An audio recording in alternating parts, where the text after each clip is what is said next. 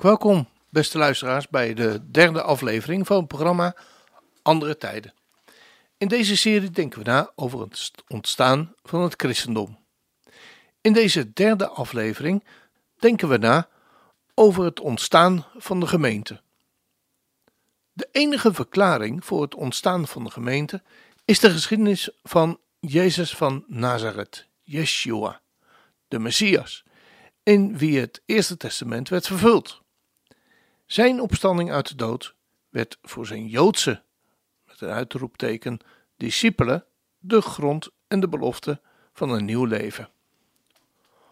Op het Pinksterfeest, beter gezegd het Wekenfeest, werd door de kracht van de verhoogde Messias over hen uitgestort. Waar dit getuigenis in geloof werd aangenomen, ontstond een nieuwe en eigensoortige gemeenschap, niet gegrond op menselijke, religieuze verlangens, maar op het gelovig buigen onder Gods openbaring in de Messias. Een gemeenschap van mensen die in de dood en opstanding van Jezus, Yeshua, hun leven hadden gevonden. De zekerheid dat de Messias in de zoon van Jezus van Nazareth op aarde was gekomen om het koningschap Gods te prediken en door zijn sterven de gegeving van zonde en verzoening met God te brengen, bracht een diepe kloof tussen de Joodse christenen en hun Joodse volksgenoten. De geschiedenis van de gemeente is bekend uit de periode van de handelingen. Ze wordt dus niet naverteld. Er is ook in deze tijd nog, in onze tijd nog steeds, een begrijpelijke neiging om de beginperiode van het ontstaan van de gemeente te idealiseren. Toch geeft de Bijbel zelf door deze idealisering geen grond. We hoeven dan nog niet eens aan de ergelijke zonden te denken zoals die in Korinthe voorkwamen. Al vroeg na het ontstaan van de gemeente volgde het droevige gebeuren met Ananias en Sapphira. En horen we van de wrijving tussen het Aramees sprekende en het Grieks sprekende deel van de gemeente van Jeruzalem. Was de oudste gemeente haar eigen weg verder gegaan, dan zou ze een Joodse afsplitsing gebleven zijn, door de andere Joden steeds verdacht, meestal geduld en soms vervolgd. Maar Jehoshua had zijn discipelen met een opdracht voor de hele wereld uitgezonden. Lijden en vervolging heeft God gebruikt om de ogen van de gemeente voor haar wereldroeping te openen. Het begon ermee dat in Jeruzalem ook Joden tot geloof kwamen, die uit de diaspora stamden en die dus Grieks spraken. Door hun afkomst stonden ze vrijer tegenover de tempel cultus en wetbepalingen. Zo konden zij de eerste zijn om te begrijpen dat deze dingen door Yeshua's komst hun zin verloren hadden. Stefanus werd de man die dit inzicht openlijk uitsprak en verdedigde. Daarom werd hij op bevel van de Joodse raad gestenigd, wegens lastering van de tempel en wet. Zijn medestanders werden hevig vervolgd en moesten vluchten. Zij verspreidden zich door het hele land en zelfs naar Antiochië. Maar wat de mensen ter kwade gedacht hadden, had God ten goede gedacht. Overal waar de gelovigen kwamen, verkondigden de verstrooiden de boodschap van de Messias, van de Messias Jehoshua. In eerste instantie alleen onder de Joden, vanwege de destijds heersende gedachte dat het heil alleen voor het uitverkoren volk van God was. Maar al snel ontstond het besef dat ook de heidenen mede-erfgenamen waren. Paulus, de apostel onder de heidenen, laat daar geen enkele twijfel over bestaan. Als we lezen: Om deze reden ben ik, Paulus, de gevangene van Christus Jezus. Voor u, die heidenen bent. Als u tenminste gehoord hebt van de uitdeling van de genade van God die aan mij gegeven is ten behoeve van u, dat hij mij door openbaring dit geheimenis bekendgemaakt heeft, zoals ik eerder in het kort geschreven heb, waaraan u, als u dit leest, mijn inzicht kunt bemerken in het geheimenis van de Messias, dat in andere tijden niet bekendgemaakt is aan de mensenkinderen, zoals het nu geopenbaard is aan zijn heilige apostelen en profeten door de geest. Namelijk dat de heidenen mede erfgenamen zijn en tot hetzelfde lichaam behoren en mede deelgenoten zijn van zijn belofte in de Messias door het evangelie, waarvan ik een dienaar geworden ben, krachtens de gave van de genade van God, die mij gegeven is, overeenkomstig de werking van zijn kracht. Tot zover. De aanhangers van deze nieuwe gemeenschap in Antiochië kregen nu van de buitenstaanders de naam christenen. Ook de laatste stap werd weldra gedaan. De Antiocheense gemeente zond Paulus en de Barnabas uit tot zendingsdienst aan Joden en heidenen beide. De nationaal-Joodse begrensdheid was weggevallen. De wereldkerk, tussen aanhalingstekens, begon haar loop. Het lag voor de hand dat nu wrijvingen met de gemeente uit Judea ontstonden. Barnabas en Paulus predikten het geloof in Yeshua als de enige weg tot redding. Ze bezwaarden de nieuwe bekeerden niet meer met de Joodse wetsvoorschriften. Er waren echter enige gelovigen die uit Judea kwamen, uit de secte van de Fariseeën, die van mening waren dat eveneens de gelovigen uit heidenen besneden moesten worden en de wet van Mozes moesten houden. Want we lezen, en toen daarover enige heftige woordenstrijd ontstond, stond Petrus op en zei tegen hen, mannen broeders, u weet dat God lang geleden onder ons, mij uitgekozen heeft, zodat de heidenen uit mijn mond het woord van het evangelie zouden horen en zouden geloven. En God, de kenner van de harten, heeft getuigenis aan hen gegeven door hun de Heilige Geest te geven, evenals aan ons. Hij heeft geen onderscheid gemaakt tussen ons en hen, en heeft hun hart door het geloof gereinigd. Wel nu dan, waarom verzoekt u God door een juk op de hals van de discipelen te leggen dat onze vaderen en ook wij niet hebben kunnen houden? Maar wij geloven door de genade van de Heer Jezus Christus, Yeshua HaMashiach, op dezelfde wijze zalig te worden als ook zij. En heel de menigte zweeg, en ze hoorden Barnabas en Paulus vertellen wat voor grote tekenen en wonderen God door hen onder de heidenen gedaan had. En toen ze zwegen, antwoordde Jacobus: Mannenbroeders, luister naar mij. Simeon heeft verteld hoe God voorheen naar de heidenen omgezien heeft om voor zijn naam uit hen een volk te nemen.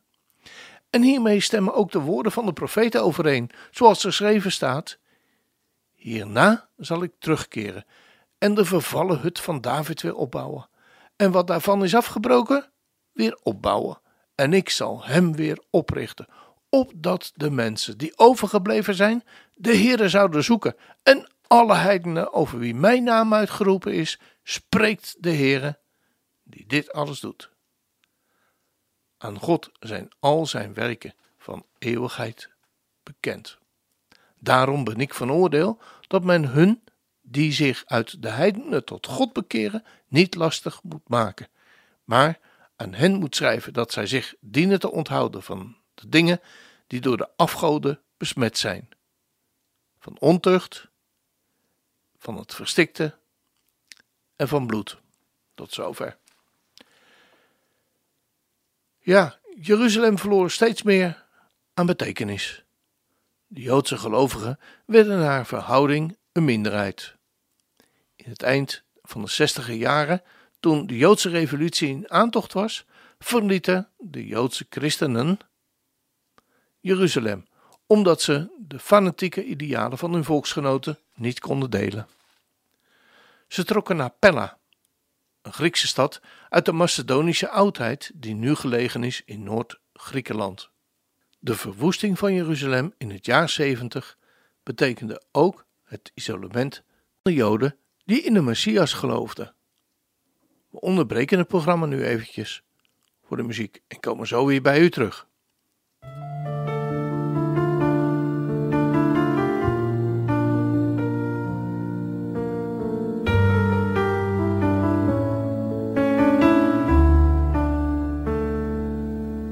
כשהלב בוכה, רק אלוקים שומע. הכאב עולה מתוך הנשמה.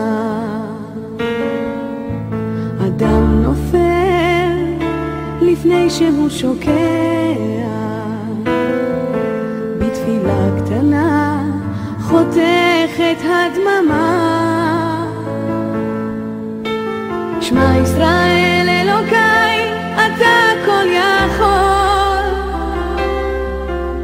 נתת לי את חיי, נתת לי הכל. בעיניי דמעה, הלב בוכה בשקט, וכשהלב שותק, הנשמה זועקת. שמע ישראל אלוקיי, עכשיו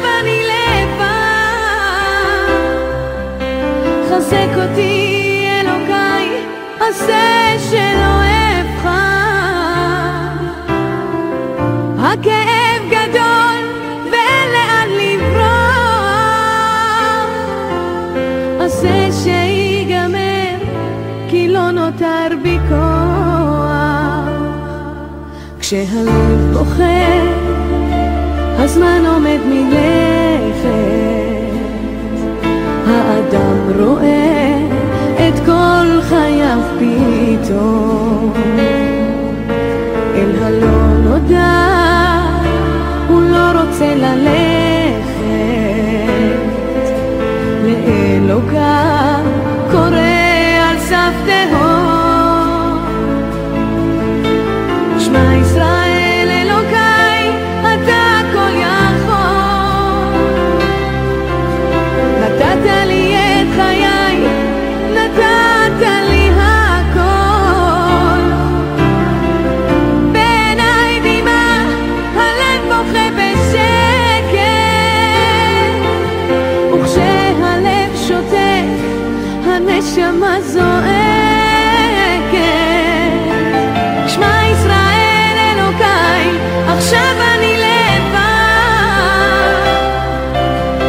consecutive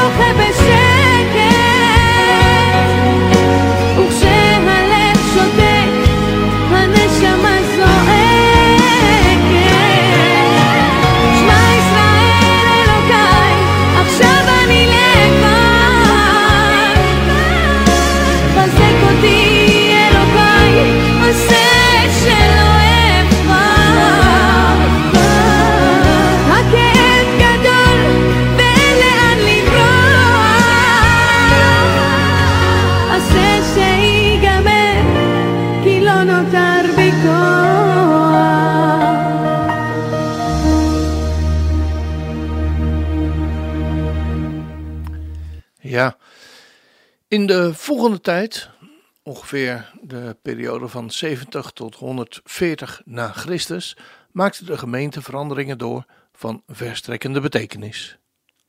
Allereerst uiterlijk, door haar snelle uitbreiding na de val van Jeruzalem. Afgezien van Paulus' handelen, zoals beschreven in zijn latere brieven, is er nagenoeg niets vanuit het woord van God over de verdere ontwikkeling van de gemeente bekend. Als Naal waren er kleine christelijke gemeenten, niet alleen in Syrië, Klein-Azië en Griekenland, maar ook in Egypte, Mesopotamië, Italië en zelfs verder. In Paulus' tijd was er al een sprake van een grote gemeente te Rome. Het is waarschijnlijk dat Petrus daar gewerkt heeft en de marteldood gestorven is.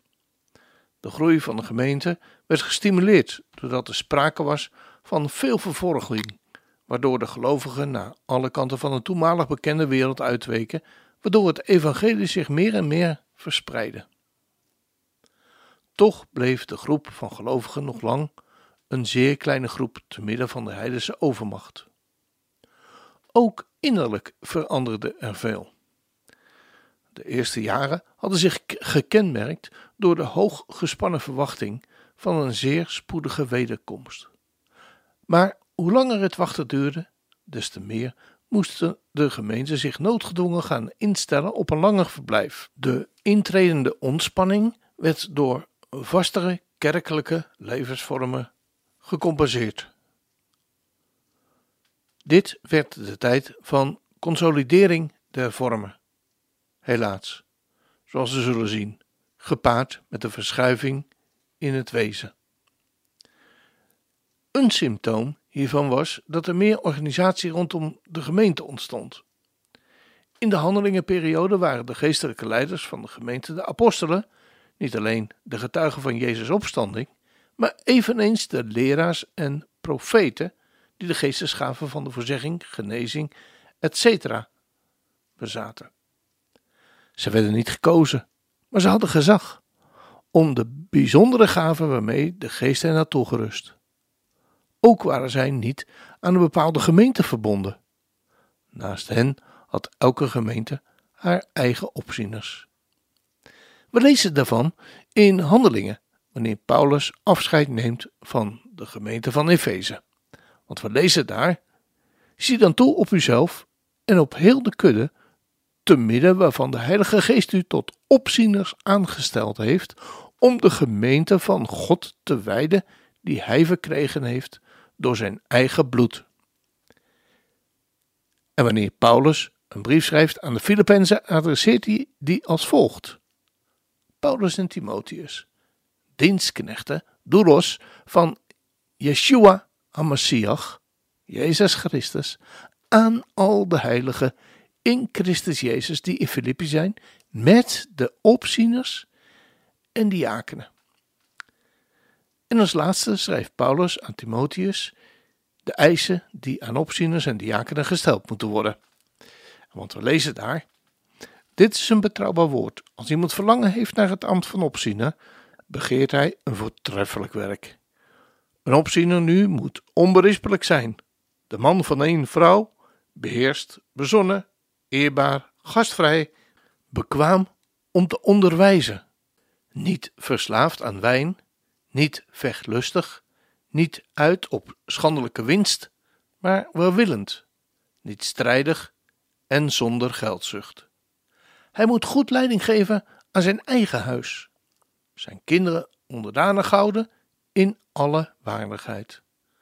Want als iemand niet weet hoe hij leiding moet geven aan zijn eigen huis, hoe kan hij voor de gemeente van God zorg dragen? Hij mag geen pasbekeerde zijn, opdat hij niet verwaand wordt en daardoor onder het oordeel van de duivel valt. Hij moet ook een goed getuigenis hebben van buitenstaanders, opdat hij niet in opspraak komt en in een strik van de duivel terechtkomt. De diakenen moeten evenzo eerbaar zijn, niet met twee monden spreken, niet verzot zijn op veel wijn, niet uit zijn op oneerlijke winst en het geheimenis van het geloof vasthouden in een zuiver geweten. Ook moeten zij eerst beproefd worden en daarna mogen zij dienen, als ze onberispelijk zijn. Tot zover. Nadat de apostelen waren gestorven, zien we dat plaatselijke gelovigen. Vanzelf traden daardoor de blijvende plaatselijke ambten van opzieners, oudsten en diakenen steeds meer naar voren. Zonder conflicten is dat echter niet gegaan, hetgeen uiteindelijk ertoe leidde dat de gedachte ontstond dat er zaken op orde gebracht moesten worden, om de bol in de hand te houden. De zogenaamde kerkorde werd een feit. Dat bracht ook veranderingen mee. De verdeling van de geestelijke en de liturgische leiding over meer opzieners, bisschoppen, was praktisch onhoudbaar. Kort het jaar 100 na Christus had men in Klein-Azië en Syrië al één bisschop als leider van elke gemeente. Langzaam heeft zich dat overal doorgezet.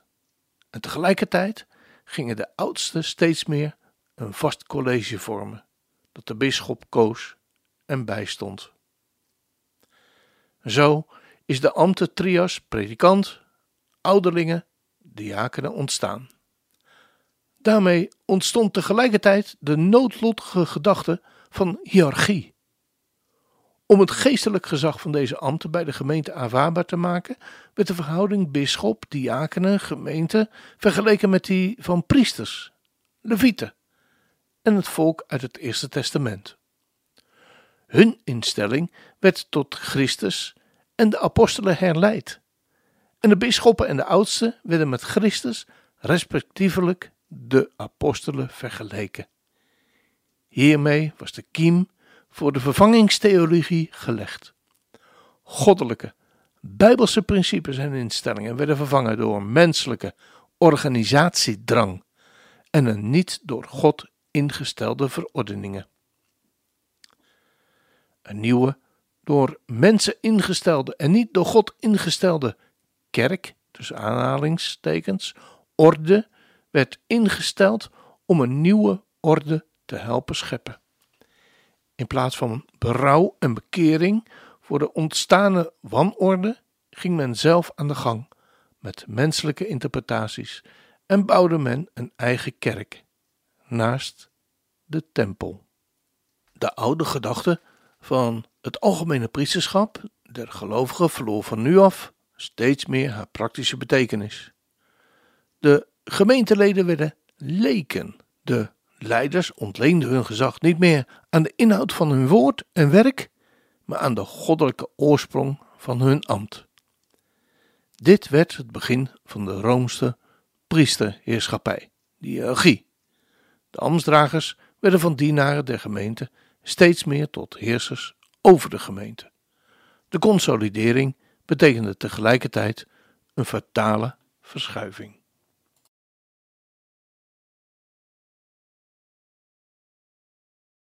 Tot zover deze derde uitzending en aflevering in het licht van het ontstaan van het christendom.